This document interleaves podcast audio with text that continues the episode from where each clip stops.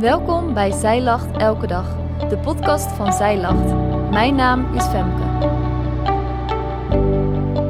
Dit is de overdenking van 6 september, geschreven door schrijfster Marijke Gootjes Verhoeven. Stel je eens voor dat je opgroeit in het gezin van Maria en Jozef, met Jezus als grote broer. Misschien kijk je een beetje tegen hem op omdat hij de oudste is en ook nog eens vol wijsheid is.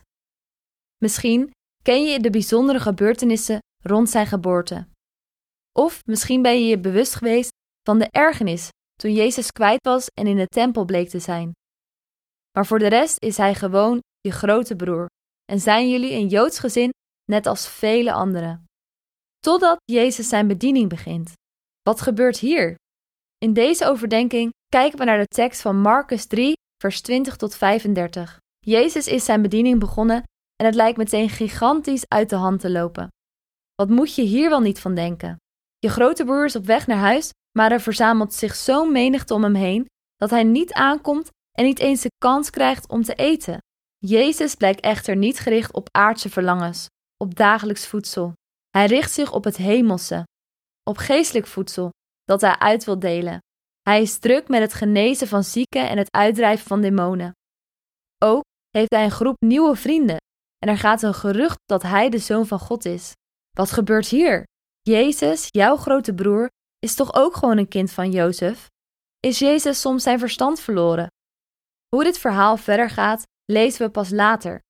Want Marcus voegt er eerst een gedeelte tussen, waarvan je opnieuw kunt afvragen: wat gebeurt hier? De schriftgeleerden begrijpen niet wie Jezus is en wat hij doet.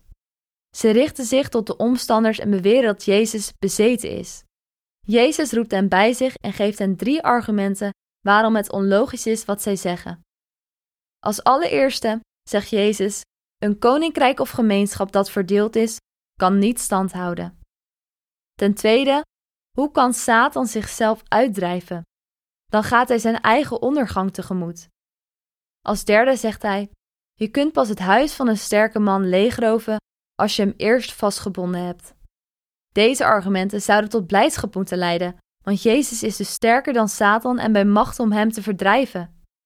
Maar helaas is de veroordeling al een feit en horen de schriftgeleerden niet wat Jezus zegt.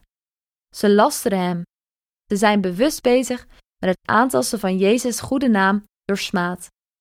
En daarmee spreken ze kwaad van de Heilige Geest. Want Jezus werkt niet door de kracht van boze geesten, maar door de kracht van de Heilige Geest. Hoe genadig God ook is, voor het lasteren van Gods geest is geen vergeving. En dan komt de familie weer in beeld. Denk je weer eens even in dat Jezus jouw grote broer is. Je hebt gehoord dat hij onderweg is naar huis. Je bent benieuwd naar wat hij allemaal heeft meegemaakt en de gedekte tafel staat klaar. Na een tijdje wachten besluiten jullie als gezin om eens te kijken waar hij blijft. Maar jullie komen niet eens bij hem in de buurt, zo druk is het. Jullie sturen iemand om hem te halen. Maar in plaats van dat hij komt, krijgen jullie te horen: Wie is mijn familie? Iedereen die de wil van God doet, die is mijn broer, mijn zus en mijn moeder. Opnieuw zien we dat Jezus niet gericht is op het aardse, maar op het hemelse. Jezus vindt geestverwantschap belangrijker dan vleeselijke familiebanden. Wat betekent dit gedeelte voor ons? Soms begrijpen we niet wat Jezus doet en kunnen we ons afvragen wie Hij is. Misschien had je andere verwachtingen van Hem. Toch is het beter om niet zomaar je conclusies te trekken en om voorzichtig te zijn in het delen van jouw oordeel met anderen, zonder concrete onderbouwing. De waarschuwing aan de schriftgeleerden is nog steeds van kracht. Misschien heb je altijd wel een sterke grote broer willen hebben die het voor jou opneemt. Goed nieuws. Dat is werkelijkheid geworden. Want als God jouw vader is, dan is Jezus jouw grote broer. En jouw grote broer is veel sterker dan welke macht dan ook.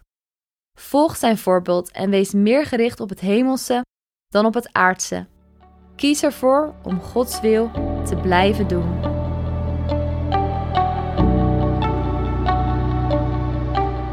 Dankjewel dat jij hebt geluisterd naar de overdenking van vandaag. Wil je de overdenking nalezen? Check dan onze website. Je vindt er ook meer toffe dingen die jou helpen om de Bijbel vaker te openen, zoals boeken, Bijbels, cursussen en evenementen. Morgen ben ik weer bij je terug met een nieuwe overdenking. Tot dan!